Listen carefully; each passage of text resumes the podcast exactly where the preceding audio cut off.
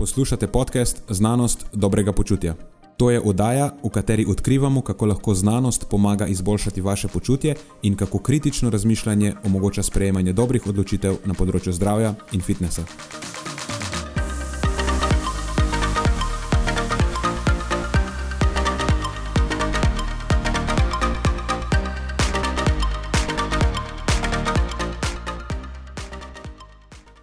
Preden začnemo, pa se moram zahvaliti še našim sponzorjem. Zaenkrat to še vedno ni velika korporacija, temveč zvesti poslušalci, ki nam izkazujete zaupanje in podporo s prijavo v našo člansko skupino Znanost dobrega počutja. Hvala vsem, ki s tem držite luči prižgane in omogočate podkastu, da raste in postaja še bolj kakovosten. Hvala tudi vsem, ki nas podpirate s pozitivnimi komentarji in visokimi ocenami, ter s tem, da priporočate podcast svojim znancem in prijateljem. Zdaj pa je končno čas za začetek epizode. Uživajte ob poslušanju.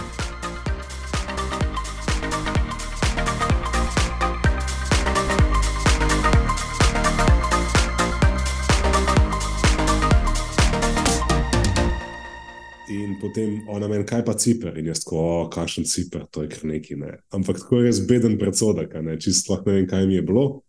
Uh, v, resnici, uh, v resnici sem bil kar. Um, ne bom rekel, zdaj navdušen. Veš. Sem bil pa kar zadovoljen. No. Priznaj, da sem ti ga jaz prodal. Pol. Ja, ti si mi ga res prodal. Jaz sem, uh, v bistvu, kaj je bilo? Ona je nekaj govorila o Malti, pa si pa ti, mislim, da rekel, hej, kaj pa Cipr, ker ti si bil že na Cipru. Ne? In pa sem bil jaz tako najprej, ker Cipr to je kar neki. Um, ampak uh, sem pač se motil. In uh, vsi, ki imate radi Cipr, ste imeli prav. Cipr je kul. Cool. Um, marsikaj mi je bilo všeč, večina stvari mi je bila všeč, tako da bom skrajšal to zgodbo, če povem, kaj mi ni bilo všeč. In praktično edina stvar, ki bi jo lahko zdaj izpostavil, tako je, da mi nekaj, da izpostavim, kar mi je bilo všeč, pa nekaj, kar mi ni bilo všeč. Ena stvar, ki mi je bila fully všeč, je bila ta, da, a pa vsaj zanimiva, no, da rečem bolj kot všeč.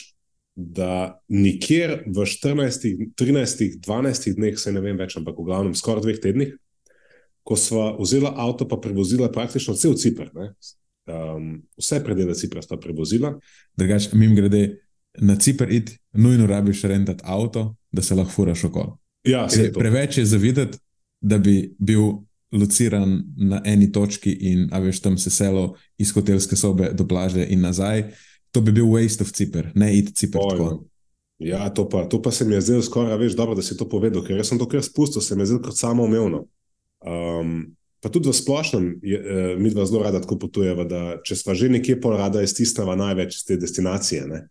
ne pa da se parkiram tja v hotel in poje to tone. In vse, kar vidim, je to. Uh, ne da je pač tudi to, lahko nek time and a place, ne? ampak uh, v glavnem, mi dva smo vzeli avto. In sva šla po Cipru, in da se vrnem, kaj mi je bilo zanimivo. Res mi je bilo zanimivo, nisem videl enega brezdomca nikjer, oziroma kako bi rekel, klošarja, no? prosjaka. Uh, to mi je bilo res fascinantno. Nisem mogel skoraj da čakati, ali je to res, kako je to možno. Ne? In uh, se še tam malo povprašal, in so rekli: ja, Don't be surprised. Uh, Cipr je imel vedno visok življenjski standard, mnogo višjega od Grekov v splošnem, ne? od Turkov pa itak. Tako da uh, tudi po nekakšnih cenah, sodeč, lahko razumem. Ne? Vsaj tako drago je bilo vse kot pri nas, ali pa dražje. In um, tudi v tistih delih Cipra, kjer ljudje očitno, tista, veš, tista sela, ki je tako 40 ljudi, vse skupaj, nimajo veliko, ampak pač, veš, videl sem nekje, ki so pila kavo, dva domačina so si tako imela s to njihovo rakijo, ne vem, kaj je že neka živaja, neki, ne vem, tisto njihovo žganje, pa neko sušeno mesnino, pa dva kosa kruha, pa eno teglo nekih kumarcev, neki tasga, veš, in tako, life is good, veš. Tako, um, nis, enostavno nisem videl nikjer uh, uh, beračev. Uh, to mi je bilo zelo zanimivo. Tisto, kar mi je bilo tako malo um, moteče, no, me je odvrnilo malo, uh, je pa to, da sem večkrat, kot bi mi bilo udobno, za svoj denar ne dobil sorazmerne vrednosti tega, ne, kar, kar plačujem. Tako da znajo zaračunati ponekod, ampak da pa dobiš to odraženo v nekem servisu ali pa v neki vrednosti, to, pa, to, to mi je pa umankalo. No? Um, na več mestih, ne samo da bi rekel temu, da je pa zdaj bila ena izjema. Ne?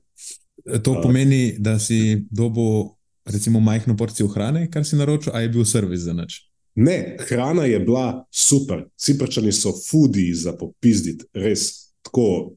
Dobil sem tak feeling, da bi ga bilo sram prenesti nekaj, kar ne bi sam pojedel. Uh, zato ne, mi je bilo čudno.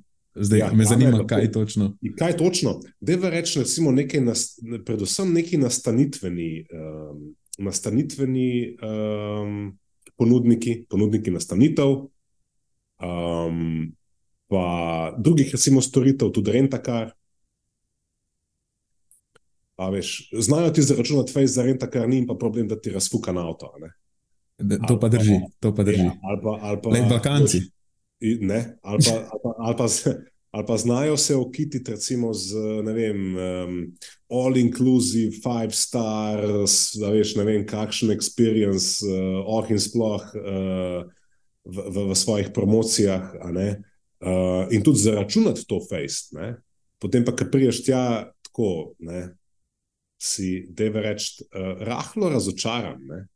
ker to glih ni tako kot oglaševano ali pa niti ne bi tako blizu, da bi, bilo, da bi bilo moč spregledati.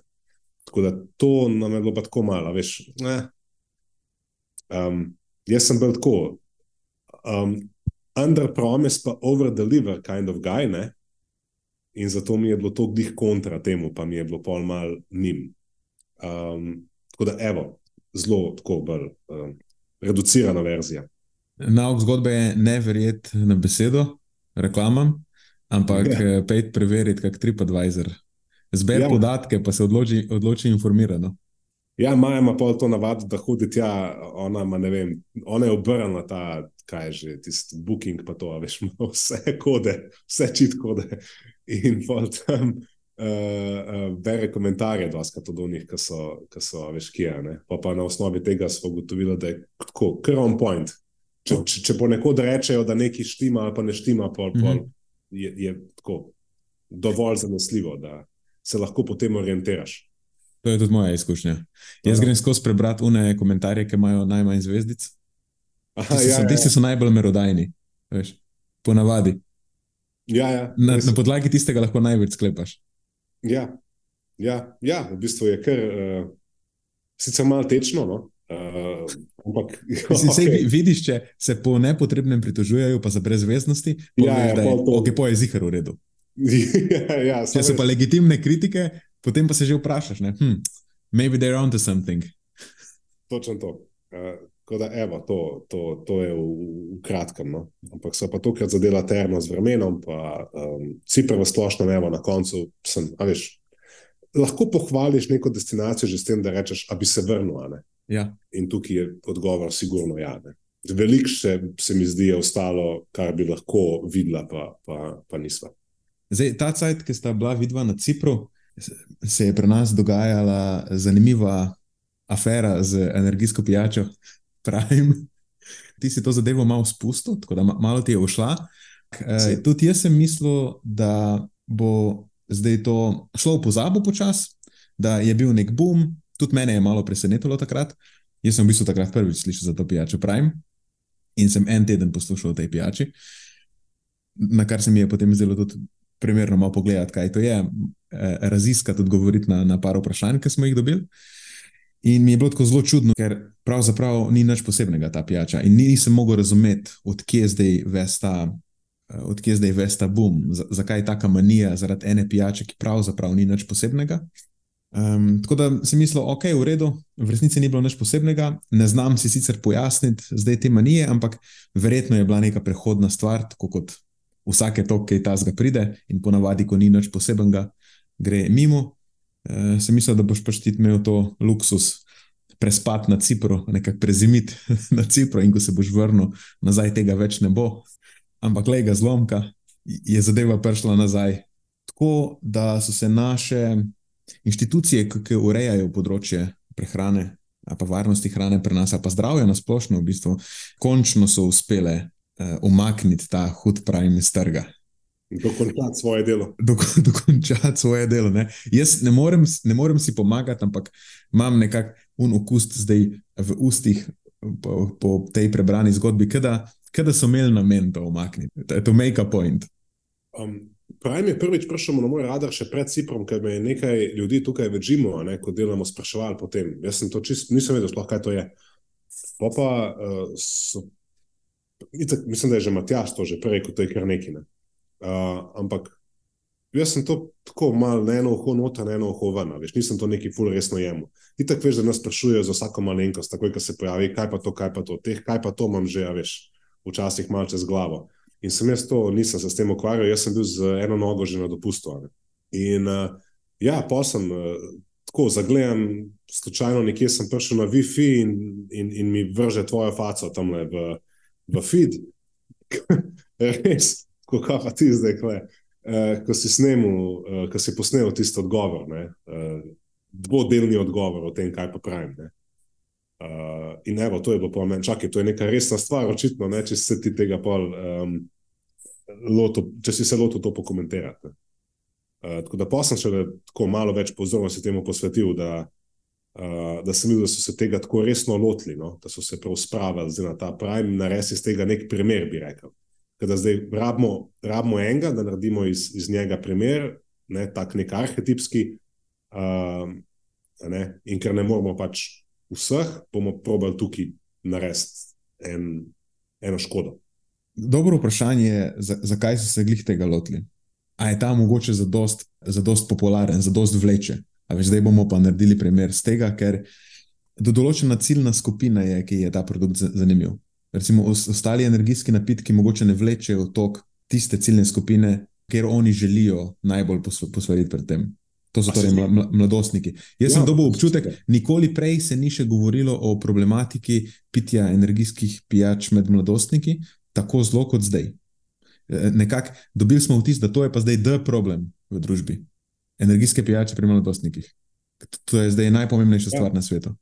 Mislim, jaz nisem zihar, nisem zihar, čeprav razumem ta argument. Sam nisem prepričan, zato ker meni se zdi, koliko imamo pravka z mladostniki, pa ga imamo dost, ne? dost delamo z mladimi športniki, da veš, dost se med mlajšimi, predvsem temi adolescenti, 13, 14, 15, 16, tam nekje do polnoletnosti.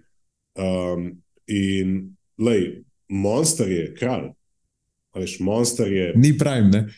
Ja, kakšen prime, stari. Sej, mislim, to je za neka nova stvar, ampak monster je tako, to je nekaj, kar poznajo, uporabljajo in pri nas smo jih poskušali v zvezi s tem vedno ozaveščati, komunicirati na nek tak, temu reč, koristen način.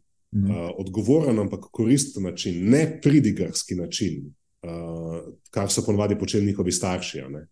Ker smo se zavedali, da govorimo s populacijo nekih športnikov, ki jim premišljen, neka premišljena uporaba to vrstnih pijač v nekih situacijah, ne, mogoče lahko celo pride prav, ali pa če jih že ne moremo povsem odvrniti, um, lahko vsaj zaezimo najbolj negativne učinke. Ampak vedno sem bil um, pod vtisom, da neko žuganje, pa uh, veš, tak način komunikacije, ker ne deluje. Da, da to ni nekaj, kar pri tej populaciji ne, bo doseglo nek učinek, ki ga želimo doseči. To je drugače to je drugače dobro pokazano, da je metoda komunikacije, ko ozaveščaš o nečem, zelo pomembna. To je pomembna, glede na ciljno skupino, kjer ozaveščaš. In se mi zdi, da sploh pri tej ciljni skupini energijske pijače, po podatkih, pri nas, med mladostniki, predvsem fanti, recimo, da jih uži, uži, uživajo. Ja, res je. In zdaj, če ti fantom rečeš, da je neka stvar. Da je neka stvar nevarna, ali pa za njih potencialno tvegano početje, zna biti, da boš dosegel glih obratni učinek, ker bodo oni začeli tekmovati v tem, kdo lahko neko nevarno stvar počne, pa pobegne brez posledic.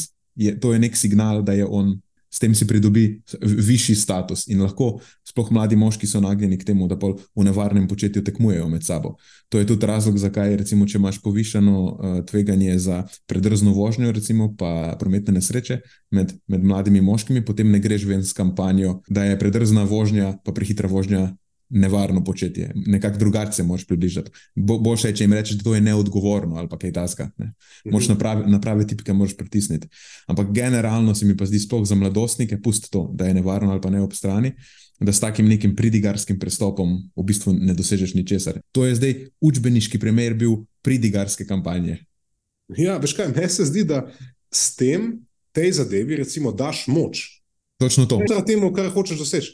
Tako da, Zabavno je bilo, ko smo z Matjažem, a veš, s takim nekim bolj nonšalantnim načinom ali pa zebanskim načinom komunikacije, kjer se poskuša to stvar tako mal razorožiti, pol, ker sama po sebi po defaultu postane manj zanimiva.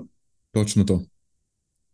In pač ni bilo pol tako kul cool to zdaj nekako. Ok, v redu, pač bom spil ta monster, če ga že nekako, a veš, ajde. Ampak, a veš, to, to nekako, ali pa vsaj tisti trije monstri so postali en. In, ja, to je naslednja stvar. To, to se zdaj prikazuje kot D problem med mladostniki. Jaz razumem, ja, problem je, če imaš malega, ki pije dve, tri energijske pijače na dan. To je očitno vzorec, ki je problematičen. Ampak, veš, če ti mladostnik odgovori na vprašanje v neki anketi, pijem energijske pijače, kaj to pomeni? E, kaj eno na mesec? A, a je to zdaj problem? A eno na teden? A je problem? A je ena na dan problem? Odvisno, kakšna je, seveda. Ampak zdaj ne razumeti tega, kot da jaz uspodbujam uživanje kofeina pri, med, mladostniki. Sam moraš vedeti, da ja, ta en prime ima 200 mg, samo veš tudi marsikaj drugega, kar bo mladostnik užival, pa sploh ne veš, ima kofein noter. Mogoče ne bo dosegel teh 200 mg, ampak zna pa priti zelo blizu.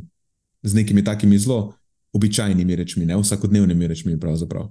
Veš, da, če ti mladostnik odgovori na vprašanje, ja, pijem energijske pijače, veš, mogoče sploh ni nobena rdeča luč. Ja, pa se, a veš, delamo se, da so energijske pijače edini vir kofeina pri mladostnikih. Um, Koliko jih recimo uporablja pri razno razne pre-workout izdelke, se pravi neke, dopol, ne, neke izdelke namenjene uporabi pred treningom v fitnessu, za katere doskrat starši sploh vedo ne. Ali jih pa celo ironično sami sponzorirajo, ker ne vejo, kaj sponzorirajo. Ne? Ne? In pol je zdaj kao pravi problem, ker ima vem, 200 mg kofeina, pa pa zmeša pre-workout onga ta zelenega, ta ameriškega. Ker ima 400 mg. Ima 400, ne? pa se trese še tako do naslednjega ponedeljka po tistem. Tako da, lej, mislim, jaz sem se skoraj že malo neko opravičevati za to, če govorim na tak način, ker vedno, če te nekdo danes, še posebej na področju prehrane, hoče razumeti na določen način, te bo razumel na določen način, tudi če ti uporabi 150 disclaimerjev prej. Se pravi, logično je, da noben pri zdravi pameti ne bo zdaj stal na nekem zagovorniškem mestu uporabe ko, uh, pijač nalodanih s kofeinom pri otrocih in mladostnikih, pa se nismo zmešani. Ne? Gre se pač samo za to, da zdaj mi, kot odrasli posamezniki, ki mogoče premoremo neko mero razuma, imamo to sposobnost doumeti, da stvari, kot povsod drugot, tudi tukaj najbrž niso zgolj črno-bele. Razumem, da smo naklonjeni k nekem poenostavljanju in bi radi razumeli, da to je dobro, to je slabo. Ampak pač resnično življenje tako ne funkcionira, in prehrana tudi ne, in energijske pijače tudi ne. Ne. In zdaj pač to je strup, to je škodljivo, to je, mislim, to je pač energijska pijača. To je zdaj v pločevinki, to dve, sta to dve kavi, v resnici, v manj drugačni obliki. Um, če malo ne poenostavim to zadevo. Ne. Ni glih čistko, da ne bom spet ne, kregan, ampak zdaj. Mislim, ja, pravzaprav v bistvu sta. Če govorimo samo o kofeinu, je, je lahko celo manj kot dve kavi. Ne. Maš kup drugih pijač energijskih. Že na trgu, ki imajo primerljivo vsebnost kofeina. Imáš take, sicer, ki imajo malo manj, večina jih ima malo manj. Tukaj pri Primu je mogoče problem to, da je relativno majhna pločevinka, mislim, da je dobre 3 decilitre bila tale, ta s kofeinom, pa je imela 200 mg, dočim velik monster ima recimo pol litra, pa ima 150 mg. Ampak realno obstajajo pa tudi take, ki imajo v eni, v eni pločevinki več kot 200 mg, 250 mg ima unata črna, kaj je. Pa se ima še on bang, koliko ima on.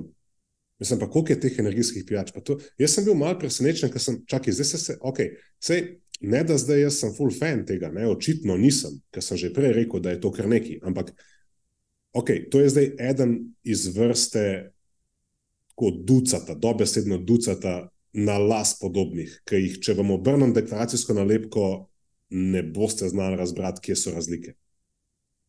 Ne? In zdaj bomo vzeli enega ven in ga bomo tako dobesedno javno linčali. Ok, v redu, si zasluž, mislim, zasluž si nek disclaimer, zasluž si neko ustrezno komunikacijo, zasluž si, da mal se ukvarjamo z našo mladino, mladostniki, otroci, da, zna, da, da jim pač znamo skomunicirati neke stvari. Ampak zdaj, veš, kaj potem sledi? Zanima me, kaj bo sledilo. A, bomo, a, a, a bomo šli po vrsti? Ker pol, a veš, jaz bi pričakoval, da pol gremo po vrsti. Ker če hočemo biti dosledni, potem pač zakaj bi se ustavil, pa sam prepravimo. Pač, mislim, dajmo pa, vse meni je vse, gremo pa zdaj. Dajmo biti dosledni. Dajmo biti dosledni, gremo zdaj. Zakaj, mo, zakaj je monster izjema? Drugač, imel sem se namen dotakniti statistik, tistih, odkje izhaja podatek, koliko energijskih pijač uživajo mladostniki. V bistvu zelo dobro si napeljal.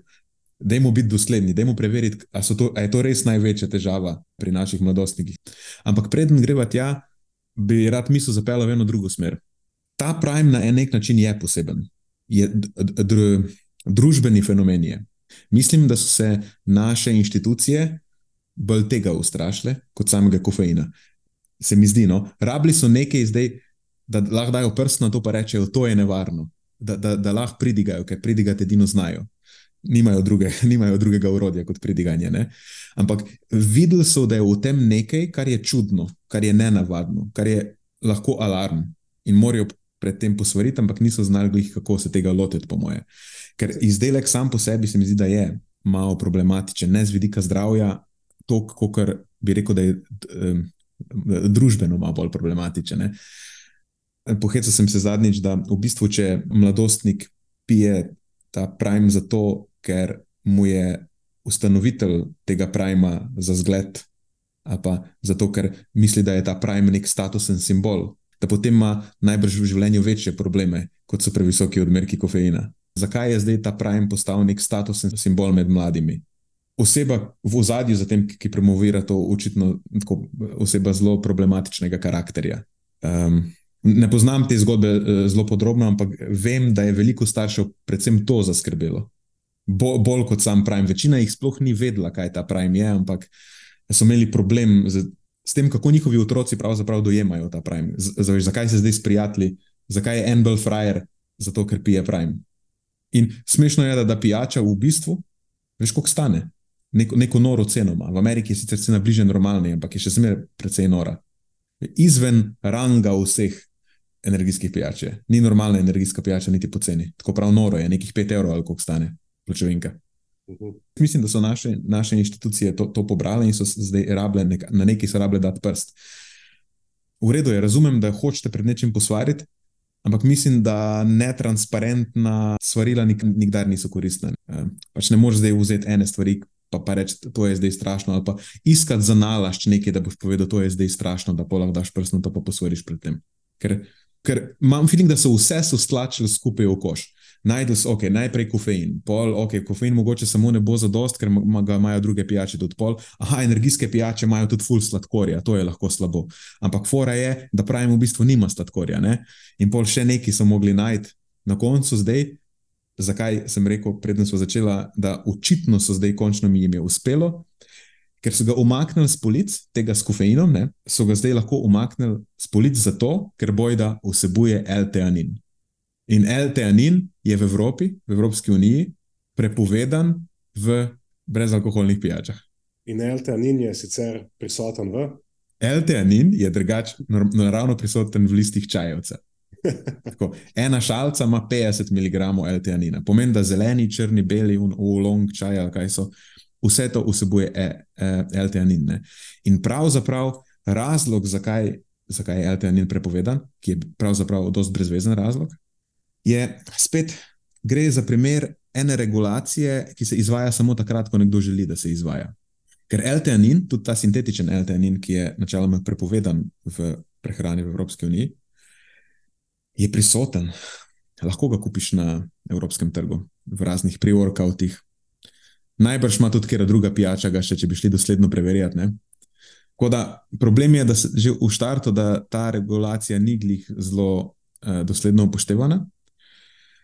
In je ena regulacija, ki se dotika v bistvu novel, novel Foods Regulation, se reče temu. Jaz nisem ti glih neki domač z zakoni Evropske unije, ne zanima me to neki glih ful, vem glih to, koliko moram vedeti. In vem, da obstaja regulacija, ki omejuje uvajanje eh, torej novel foods, novih živil v prehrano. Če niso bila v evropski prehrani uporabljena pred letom 1900, neki, neki, full dolgo nazaj, že v glavnem. Ne. Tudi če so na drugih koncih sveta bila, pa vemo, da so varna. Zdaj, če niso bila pred tem letom v Evropski uniji, pol preden jih damo na trg, moramo dokazati, da so varna. No, v glavnem, LTN tudi tukaj not, not, not spade, sintetična verzija in je zato prepovedan. Ne zato, ker bi bil kakorkoli nevaren. Ker če greš pogledat literaturo, je precej jasno, ne? objavljeni podatki precej jasno kažejo, da je LTN čist varen. Um, dejansko celo domneva je, da tam v odmerkih 200 do 400 mg do 8 tednov bi lahko iz, izboljšali nekatere aspekte kognitivne funkcije. Uh, recimo, če preverjajo za testi pozornosti, izvršilne funkcije, pa testi spomina, se včasih pokažejo ugodni učinki. Pa hočeš reči, da od vseh stvari upravimo še najboljšo stvar. ja, ja. najdemo smo eno koristno stvar in jo bomo zdaj dal ven. Ne? Čeprav, pazite, okay, v redu, čeprav pokazano je pa tudi za LTN, da bi lahko poslabšal izvršilno funkcijo, pa zmanjšal nadzor nad pozornostjo, to je attentional control, eh, če so ljudje v čustveno vznemirjenem stanju. Ne, tako da je v bistvu odvisno, podobno kot zadnjič, ko smo se pri nikotinu pogovarjali, da je učinek verjetno odvisen od, od stanja, v katerem se oseba nahaja. Ker zdaj lahko deluje anksiolitično, torej zmanjša anksioznost, neke situacije, ki so pa tako mogoče malo bolj um, stresne, pa bi lahko povečal anksioznost.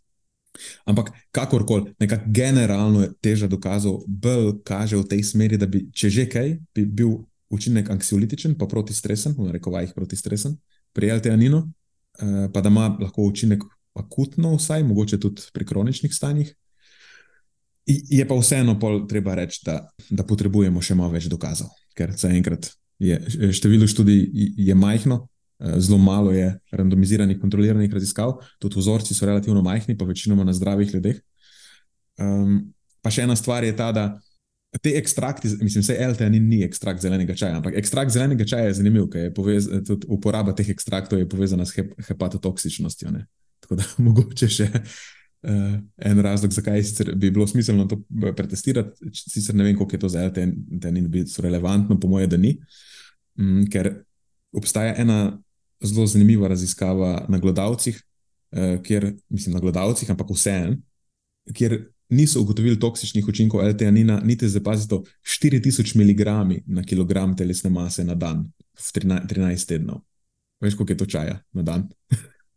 In tudi ni nekega razloga, da bi rekel, aha, ampak sej, sej sintetičen je samo prepovedan. Mislim, in kaj pol, sej LTN je eno in drugo, pravzaprav nima veze. Kakorkoli, pravim, je nekaj, kar jaz ne pijem, ker se mi ne zdi niti približno, da je njegova cena sorazmerna z vrednostjo, ki jo ponuja.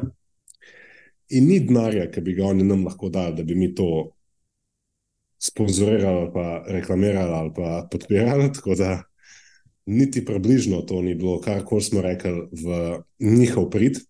Je pa sam zgolj tako, mal poskus prikaza, kako je vse to skup en tak. Randomness, neka naključnost, neka sporadičnost, neka impulzivnost ravnanja, ki tako eksplodira, tako čist na, na, na kar neki in komunicira tako veš, v skorda vojaškem tonu, um, v resnici gre pa za pač, ne, eno točevinko pijače, ki je malo drugačnem proizvajalcu in drugačni obliki obstaja na našem tržišču že leta. Um, in so zdaj starši malo zagnali alarm, zato ker njihovi otroci si iz nekega razloga ful želijo to pijačo in je ful draga in jo nek čuden model propagira, in v bistvu ne vejo, kaj naj si mislijo. En, en, en, en pokazatelj več, da v resnici ja, ljudje pač smo v osnovi bolj čustvena kot pa razumska bitja, in, in če ne znamo ne ustrezno menedžirati teh svojih impulzov, bomo lahko počeli neke stvari, ki so tako malo min, ko pomisliš. No? Tako da pač pravim je, kot je rekel naš patjaš, um, kar neki. Uh, zdaj, zdaj mi pa, prosim, zanimiraj še s kakšno drugo temo. Ti si rekel, da bi bilo fajn biti dosleden potem pri mladostnikih. Te podatki, na kere se navezujejo o trendih uživanja energijskih pijač med slovenskimi mladostniki, so podatki iz mednarodne raziskave HBSC 2022 z zdravjem povezane vedenja v šolskem obdobju med mladostniki v Sloveniji. In tukaj so oni zajeli kupenih stvari, stvari, ki se navezujejo na družino, šolo, prijatelje, na duševno zdravje, tvega navedenje, nasilje, take stvari, itd. itd. S tem se pač danes ne bomo ukvarjali. Potem je pa tukaj še poglavje z življenjskim slogom povezane vedenja. Kot smo že prej rekli, piše, da energijske pijače pije 40,9 odstotka mladostnikov. Odstotek mladostnikov, ki pijejo energijske pijače, se viša med 11 in 15 letom, fanti v višjem odstotku kot dekleta pijejo energijske pijače. Što je zdaj 40 odstotkov njih je reklo, da pije energijske pijače. To mogoče ni tako alarmantno, kot se sliši, ker ti lahko piješ energijsko pijačo enkrat na mesec. Pri meni je tukaj pri teh podatkih vedno to je zdaj pa tako malo hudičev advokat, od advokata, ne, če želim biti za sekundo, verodostojnost. Kdo garantira za verodostojnost? A veš, kaj hočem povedati? Koliko ja, vprašalnik je na koncu ne, dneva. Ja, če te ja, kje vprašajo, pač ne, ne, ne. ne. Kako je ono, kad te zdravnik vpraša, kaj dite? Uh, ne. Uh, ali, Ampak, ali bi predvideval? Ne, ne, ne. Redko, samo, samo priložnostno, pa družbeno. Na, načeloma so to ankete, ki je bila anonimna. Ja, anonimne pa. Ja. Ampak tako, pa če je nek tak vzgib, samo hočem reči, ki doska sploh ni kontroliran. Ja, zihar obstaja neka pristranskost v tem. Po, pomanjšaš ali pa rečeš ne, ali pa zmanjšaš količine ali karkoli, čeprav ni nobenih negativnih posledic. A, a, a razumeš, kaj hočem povedati? Ampak pač tako, da bi tako sam sebe. To, to je pokazano, da, da obstaja neka pristranskost tudi v anonimnih anketah, kar se tega tiče. Ampak kljub temu, 40 ja, odstotkov ja, je, ja, je, kar, je kar dost. E, po drugi strani imaš pa za sladkane pijače podatek, da jih vsak dan pije 13,8 odstotka mladostnikov. To, to je pa vsak dan podatek ne, za sladkane pijače. In da fanti v višjem odstotku kot dekleta vsak dan pijejo sladkane pijače se je pa, uh, je pa trend na vzdolj zanimivo za sladkane pijače. V vseh starostnih skupinah, pa pri obeh spolih, je uživanje sladkanih pijač niže. To je za leta 11, 13, pa 15. Pri 17-letnikih pa ni razlik v odstotku tistih, ki vsak dan pijejo sladkane pijače. Da, a se ti zdi to dosti 13 odstotkov, to je v bistvu vsak deseti. Pa bi pričakoval več. Meni se je zelo kar nizko. Ja, bi pričakoval več, posebej, če upoštevaš neko naraščajočo ponudbo to vrstnih pijač, ne, pa vedno bolj agresiven, mogoče tudi ti bi rekel, brezsramen marketing teh pijač, ne, ki doskrat ne izbira res nobenih sredstev. Mogoče je tudi to ena izmed mojih tako zgolj osebnih zamer um, do proizvajalcev, ponudnikov, oglaševalcev teh pijač, da res ne izbirajo sredstev in uh, so pripravljeni skoraj da reči karkoli. Um, tako da bi, me, bi, bi kot posledica tega ne, pričakoval, da, je, da bi bil interes malo višji, uh, da, bi bil, da bi bila uporaba tudi malo. Ampak to je dnevno. Ne. To je dnevno, ja. Ja, tako da priložnostno ne, je morda podatek drugačen. Ali veš, v smislu, nimam doma, ne, ampak če grem pa ven, pa to naročim. Ne. Ali pa če grem ven na pijačo. Ne. Ali pa si gremo v trgovino kupiti doma pa recimo, da doma mi ne pustijo med. Ampak dobro, zdaj smo se mogoče malo upičila v te energijske posladkane pijače. Mislim, da v grobem večji problem so sedeča vedenja, ne? so oni to vrednoto, ker je v bistvu tretjina mladostnikov eh, med tednom se uvršča v skupino, ki več kot 4 ure na dan preživi v sedečem položaju. Ne? V prostem času je to pazi. Pomeni, da hodijo v šolo in polo v prostem času so še 4 ure. Zdaj, koliko jim pol sploh še ostane? No, to bi bil, recimo, za me bolj zaskrbljujoč podatek kot pa ta, a zdaj. In tudi trend je navzgor. Je pa tako, da če pogledaš telesno dejavnost v prostem času, dve, malo manj kot dve tretjini mladostnikov pravi, da je v prostem času vsaj trikrat na teden telesno dejavnih. Sej, to je ostali dve, ostali dve tretjini. Če jih imaš tretjino, ki je pravzaprav zelo sedeča, pa imaš še dve tretjini, sej poklopi se, telesno dejavnih v prostem času, vsaj trikrat na teden. Tako da zdaj lahko to gledaš pozitivno ali pa negativno. Imáš dve tretjini, ki sta relativno aktivne, ali pa se osredotočiš na tisto eno tretjino, ki je zaskrbljujoče sedeča. Je pa trend um, pri teh sedečih, trend narašča. Uh, zvišuje se odstotek mladostnikov s čezmernim sedečim vedenjem pri obeh spolih, dočim vidiš, da pa se niža odstotek v njih, ki v prostem času so redno telesno dejavni. Tudi v bistvu skoraj pri vseh starostnih skupinah, pa pri obeh spolih. Ampak ok, to, to, to je kar je, ne? Se, to je, to je nek tak generalen v bistvu trend v zahodnem svetu. Sam mogoče malo postavi zdaj v kontekst obremenjevanja z energijskimi pijačami. Ja, da bi rekli, bi we have bigger fish to fry. Ja. Ker, recimo, še en zanimiv podatek je ta, lahko mu mogoče reči zanimiv, ali pa ga upišeš kakorkoli drugače, da skoraj petina mladostnikov je na dieti. In če greš breakdown po spolih pogledat, kaj misliš, kakšen je? Zdaj, dan danes več niti ne vem za vse spole, koliko jih je, kakšen je breakdown. Ampak, Dva sta, Marijo, moški in ženski. Ampak, ampak uh, Bi rekel, da tukaj pa so v spredju ženske, če so pri energijskih pijačah moški. Ja. Tudi ena stvar se mi je zdaj utrnila, čakaj, pa mi boš popravil. Čakaj. Rekel si, da je pri adolescentih. Ja, to so, eh, veš, kaj je tako, bo rekla.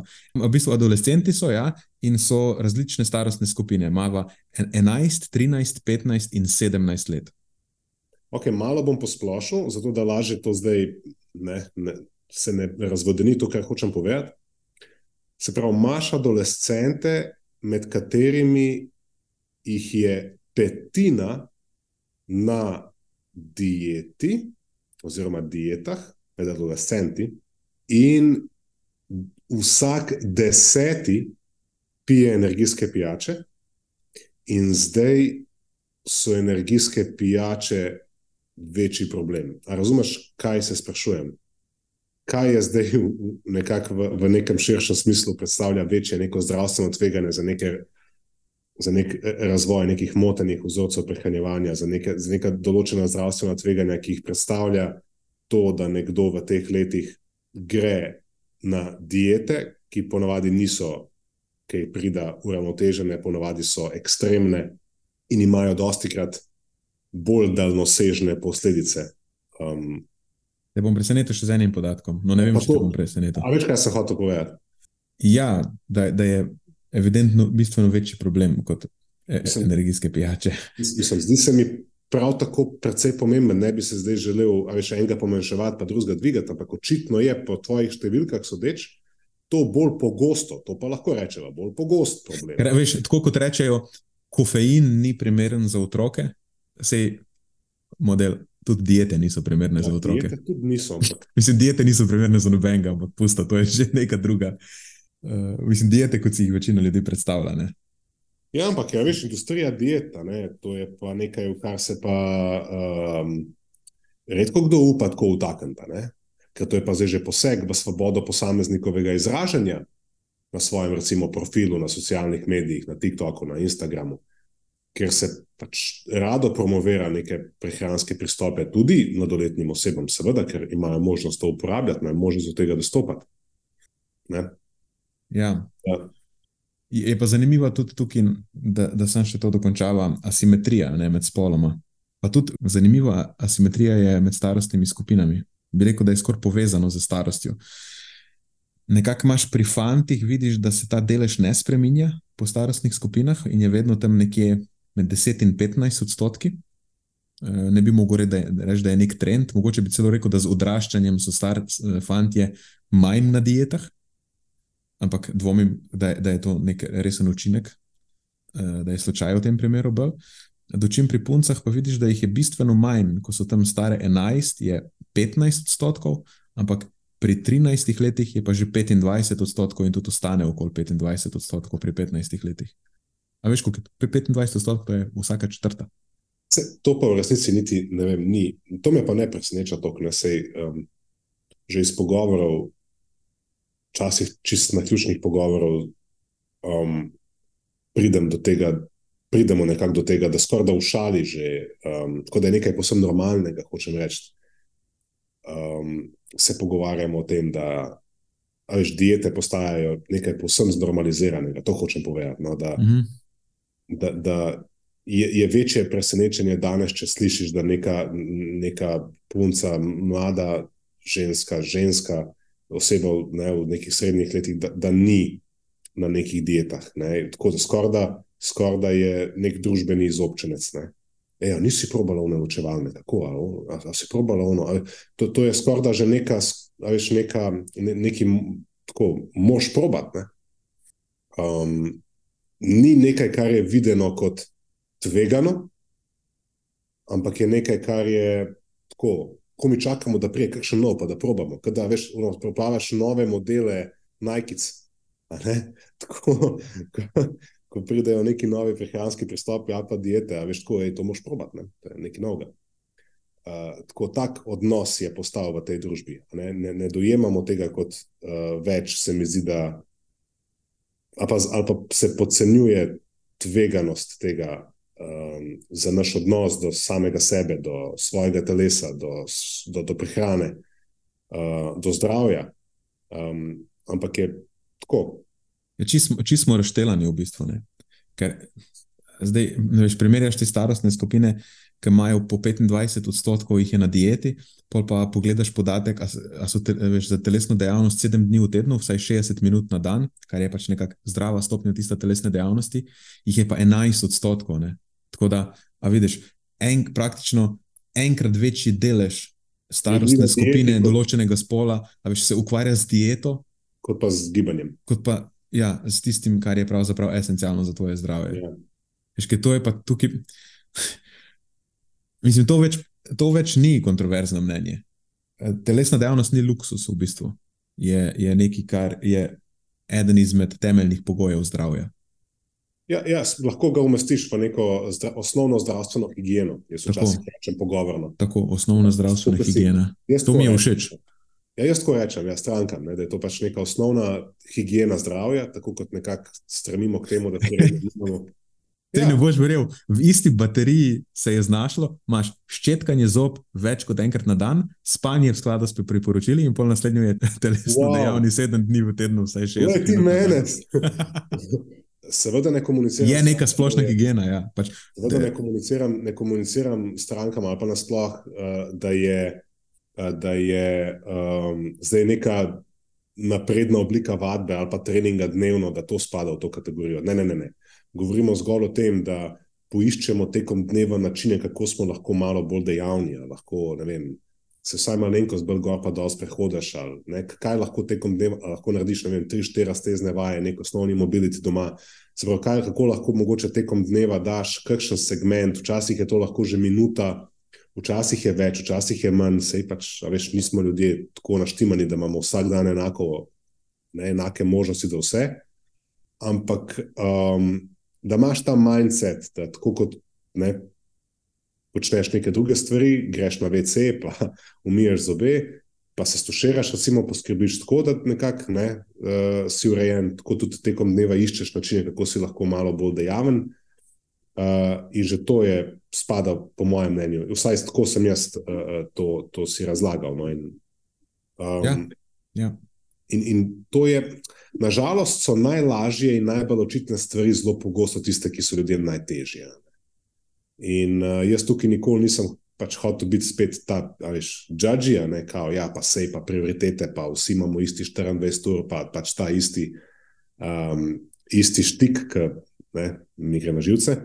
Um, ampak iščeš nekakšen način, kako ljudem približati to, da jim najdeš neko obliko razlage, da pa vse nehajo se odmikati od bistva, pa iskati uteho v nekih svetlečih posebnostih, novostih in izjemnostih, misleč, da bojo pa tam našli svoj svet igral večnega zdravja in um, pitch booty ne, uh, um, influencerskih idealov, um, ko govorimo o postavi. ne. Tako da to, to, to je zdaj, dosti krat se zdi kot nek, nek, neko Sizifovo delo, ampak morda bolj kot kadarkoli do zdaj se to zdi Sizifovo delo, ker je enostavno tako močno, tako prevladojoče je to sporočilo. To je vedno kaj novega, kar ti svetli pred očmi, a veš, ker pač samo moš probat, ne?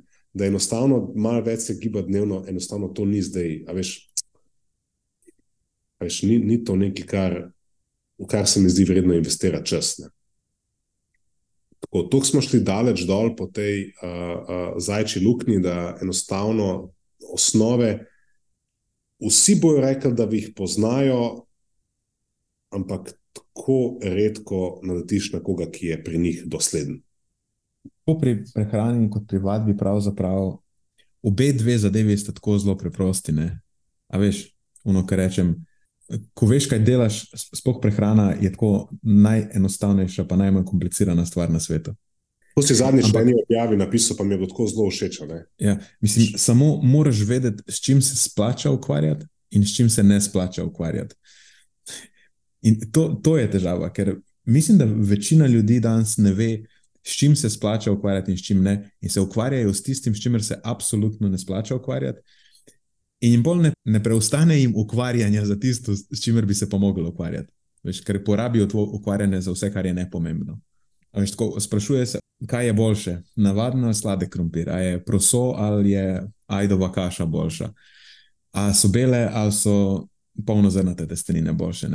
Veš, to, to je pravzaprav razlika, ki v resnici ni zelo pomembna, če sploh pomembna. Pomembna je porcija tega, recimo, bolj kot sama razlika. Med... Jih sem imel pred tem najnim snemanjem, samo en, en posvet z enim fantom, mladim fantom. Uh, Čekar posvet je bil, In pač vprašal sem ga, pogovarjal sem se o tem, kako ti gre zdaj, po ne vem, koliko časa je bilo, ne tri meseci, odkar sem postavila plan, pa si ga zdaj izvajal, pa je rekel, ok, pridobil sem dve kili, napredoval sem v vseh dvigih, občutno sem močnejši, vse mi štima, ne, pa pri prehrani ne, mi je povedal, kje so njegovi največji izzivi. Sem ga vprašal, kje so tvoji največji izzivi, in mi je povedal. In tako je rekel, doskrat se mi zgodi, da pridem zvečer v situacijo, pol po treningu, ker čez dan res nisem uspel pojesti dovolj beljakovin. Ne in ko mi manjka eno od beljakovin, ampak pol, a veš, tako, um, ker sem že pojedel prej kakšen, kakšno ploščico, ne, beljakovinsko, pol zdaj nočem več vnašati beljakovin s tok predelanimi živili, a ne pa pol pač raj ne pojem načane. Pa sem ga vprašal, okay, kakšnimi predelanimi živili. Pa prav recimo ti beljakovinski pudingi, ki jih imamo, pa tako, a ne, pol pač nočem s tem, a ne. In, in pa vi se navezujejo na to, kar si rekel. Se pravi, veš, kaj si sami sebi ustvarjamo ovire. Se pravi, point je za tvoj cilj, da pač uneseš dovolj nekega hranila, in zdaj pač imaš različne vere, in zdaj si v situaciji, kjer nimaš drugih verov razen tega, ampak ti zdaj raj ne boš tega in posledično ne boš imel dovolj ne, za, za cilj, ki ga rabiš. Exactly. Ja, Ker se ja. ukvarjaš s stvarjo, ki je nepomembna. Ali je nekaj predelano ali ni predelano, je v bistvu nerelevantno. Ti imaš potrebe po hranilih in ja. po energiji. Sicer je res, da je od vrste živila tudi odvisno, recimo, kako hitro to lahko poješ, ja, hitrost se... hranjenja, tekstura, kako bo okusno, ali je hiperpalatabilno, ali te bo nasitlo bolj, ali te bo nasitlo manj. Vse, vse, to je, vse to je res. Ampak v tem konkretnem primeru v bistvu je to postranskega pomena. Pravzaprav, če je predelano še toliko boljše, se je problem se imel, da ne moreš pojesti za dost. Se, o tem smo se pol pogovarjali. Se ne ješ v vsaki situaciji isto. Se pač v neki situaciji imaš neke druge možnosti, zdaj si se pač znašel. Večkrat pravi, da se znajde v situaciji, ko zvečer doma nekaj ni skuhano, pač mlajši, mlajši fantje, ni skuhano, pa pol on recimo nima nekih kuharskih spretnosti, niti mu doma še ne pustijo peč mesa, ne? Uh, ne? ali pa nekaj ni v hladilniku in pol pač on raj kot da poje nekaj, veš, kar je v njegovi glavi, ne, predelano, pol gre spat. Ne, pol, to so se pol pogovarjali. Ne, da, kako smo zanimivi potem, da sami sebi postavljamo ovire. Um, Zapravo rečemo, da imamo nek cilj, vemo, kaj je treba za to doseči, ampak pa sami sebi, noben drug, ne, sami sebi postavimo neke ovire, da tega ne dosežemo in, in si tako otežujemo v bistvu napredovanje. Uh, ker pač poješ pač to, kar v tej situaciji imaš, kar je najboljša izbira, pač ok, beljakovinski puding, v redu, enota beljakovina splukana, prišel sem bliže svojim ciljem in gremo dalje. Ampak, vidiš, to je pa vsak dan, če to repliciraš na več drugih področjih, recimo na področju prehrane, pa se to mora biti konstanten, konstanten boj. Um, če, če, če si postavljaš taka neka posem brezvezna. Uh, um, brezvezne omejitve, ovire. In zato mi je všeč to, kar si rekel. Ne? Če veš, kaj počneš, če znaš te stvari sam sebe umakniti in, in, in, in ta prostor malo spucati, ker od enkrat to postane fulbr. E, enostavno, ne, več užitka najdeš v tem, več zadovoljstva najdeš v tem. In ne, zanimivo, še lažje in hitreje napreduješ. Um, tako kot hitreje in hitreje hodiš, in bolj jasno vidiš, če, če hodiš po nekem um, očiščenem terenu, kot pa po nekem terenu polnem nesnage. Ne? Zdaj, je pa pač res, da nekaj te nesnage mečemo uh, pred sebe sami, uh, kot posledica nekih naših lastnih pristranskosti in uh, zmotnih prepričanj. Je pa res, da v tem okolju danes pa mnogo te nesnage mečejo pred nas tudi drugi. Ne? Uh, recimo oglaševalci, influencerji, mediji. Ne? Ki pač vsak dan znova, če hočeš, ti lahko servirajo neko stvar, pred katero te mora biti strah, ali pa na katero moraš biti pozoren, ali pa ne smeš, bog ne dej. Ne? In, in tukaj potem rabiš nek nov set veščin, da se znajdeš v tem okolju. In zdaj to mi poskušamo ponuditi, ne? to pač delamo, ampak je pa ne? težko to tako seksi predstaviti kot pa. Kot pa en. Uh... Meni je res uganka, meni se to sliši ekstra seksi, oprosti, samo meni se to sliši ekstra seksi. Če jaz tebi povem, stari moj, olajšati bom to stvar do amena. Ful bo enostavno. Ne boš se rabo s tri četrt stvarmi, ki si se zdaj do, z njimi ukvarjal, ne boš se rabo več ukvarjati. Zakaj se ti to ne sliši privlačno? Znam odgovora, zakaj? Zato, ker, zato ker A, um, ne moš ti tega namest mene. A veš, to je catch. Uh, jaz moram biti del tega. Ljudje Samo tega... komplicirano tudi ne moremo namesto tebe. Uno je bolj komplicirano, pa prav tako moraš sam početi. Ne, bolj je simpel, bolj je razumljivo, bolj mi je jasno, kaj moram. Ej, sam tega ne smem. A veš, tiste navodila so zelo enostavno podati. Ti sam po šesti ne smeš. Ali pa sam, a, a veš, sam, sam to moraš. Pa, a, razumeš, zelo je, zelo je tako predstavljeno je kot ena stvar, ki reši tako vse. Ne? In, in je ljudem lažje tako, a ja, sam hidrate moram dati stran, ali pa a ja, sam po, treh, po tretji ne smem sadja, ali pa a ja, sam, a veš, moram biti pozoren, da ne jem živil, ki vsebujejo to. A veš, zelo je straight to the point, zelo razumem točno, kaj moram. To, kar pa ti govoriš, je pa tako, ok, zveni kul, cool, ne? Sam... Ej, nisem ziger res, če ljudje več nasedajo na te fore, sam hidratov ne smeš, sam po šesti uri. Mislim, da je kupenih stvari, veš, s katerimi si začnejo komplicirati življenje. Postane nek, nek zmazek tega vsega, nikoli ni ena samo stvar. Veš, ne smeš hidratov, pol še nečesa drugega se moraš izogibati, um, neko posebno dopolnilo moraš jemati, veš, ne smeš predelano preveč jesti, mislim, moraš, moraš paziti, da to in to polno zrna tega poješ. Pa se ti tako, tako tega pol ne počneš. Se zato pa imamo potem slabo vest. Tudi zato imamo pol, veš, poseben set. Zaveš, ker pač valjda tega vsega človek ne more početi, zato je pač edino prav, da ima slabo vest. Ne? In to je potem ta, ne? Mary goes round and round, vedno imaš pač ta krog, ker se ljudje ujamejo, ujeti med ali počnem vse to, kar česar ne morem početi, ali imam pa slabo vest, ker ne počnem vsega tega, kar mislim, da moram početi. In drugi odgovor, ki sem ga imel, je pa pač zato, ker to, a ne kar pač si rekel ti, da ponujaš, ker je tako dosti simpel, je pa pač zato, ker stane več. Ne? Zato, ker oni, one dietke, stari, te se zastojni. Ne? Oni fit izzivi in programi, ej, to skoraj dobiš džabe, če kupaš, ne vem, par uh, onih gumic za levo, desno. A veš, to je. To, to je Tekom življenja se te neumnosti naberejo, pa je na koncu več. To, to je res. Ne? To je res. Sam, veš, psihološko gledano je, je lažje dati 10 evrov, pa pozabiti, kot pa se komitati za tri mesečni kurs, kjer boš investiral, ne vem, 300 evrov. Veš, to mislim, da je zelo, zelo, zelo pomemben dejavnik. Ne? Da so tisti pristopi zastojni in so naštimani na to, da so tako čip. In jih ti ljudje namenoma prodajajo za tako sitne pare, ker delajo na masija. Ne? In če proda 20 tisoč in nekaj za 10 evrov, pač te 10 evrov se nobeno ne bo poznalo, njemu se pa na računu bo. Ve pa, da je pač prodal nekaj, kar, je, kar bo velika večina teh ljudi, ne, se bo gor prah nabiral, vrgla v smeti. En procent teh ljudi bo zaradi sledenja tem navodilom imel hude, uh, hude težave, zdravstvene motnje, prehranjevanja, karkoli že, ampak o teh ne bomo govorili, ti so si sami krivi. tistih par procentov, ki pa so ne, um, navijači, ne, njihove zgodbe bomo pa uporabljali v promocijo naslednjega programa. Tako da to je, a veš, never ending story, ampak če pač to rečeš, če, če, če predtem postvariš, če se probaš temu zoprstaviti, si dan danes pač hater. Hater si, tako da pač ne biti hater. Um, pač, veš, vse to ti imaš način, imaš možnost, kako svojo storitev ne, prodati. Tako da danes je, je uh, sam ta keč, ker se boriš proti tako močnemu toku um, potencialno škodljivega, strokovno, absolutno spornega in za maso ljudi neuzdržnega um, čanka. Ja, jaz sem hotel malo bolj na pozitivni noti zaključiti. Ampak to se mi zdi ultra pozitivno. Ja. Tako, bi bil, recimo, če bi to slišal zdaj, če bi jaz to slišal zdaj, jaz bi bil tako na hajpan rekel, bi, kje imajo oni ta program, jaz to kupam takoj zdaj. Ej, v DM. V DM, slajdni, DM, slajdni, slajdni v DM, čakaj, čakaj, prvih pet dobi popust. 20 postov popusta za, za prvi pet. Absolutno. Samo moraš napisati, da bomo vedeli. Ja, Mike. Da ste iz uh, podcasta.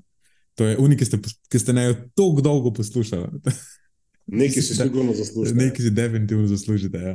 Zanimamo nobenih, uh, nobenih posebnih vadbenih pripomočkov, ampak, uh, ali, pa, ali pa knjižic in, in podobnega, ampak evo, to vam lahko damo. To se mi zdi totalno pozitivno. Pet popustov na coaching. Yes. Da vam pokažem, kako je prehrana v bistvu full simple. Najenostavnejša stvar na svetu. Evo, jaz, pa, jaz, jaz pa lahko uporabim svojo ustanoviteljsko kartico in vam obljubim, da vam vrnem vse cache, če ne bo tako, kot je rekel Nenad. Evo. po mojem, veš to. to.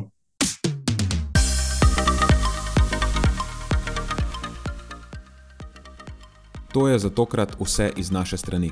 Hvala, ker ste poslušali do konca. Delite epizodo s svojimi znanci in prijatelji in jo priporočajte dalje, saj s tem omogočite, da sporočilo znanost dobrega počutja doseže čim večjo množico. Hvala vsem, ki nas podpirate s članarino in tudi vsem ostalim, ki delite podcast dalje in nam izkazujete naklonjenost z visokimi ocenami in pozitivnimi komentarji. Se slišimo prihodnjič, do takrat pa ostanite premišljeni.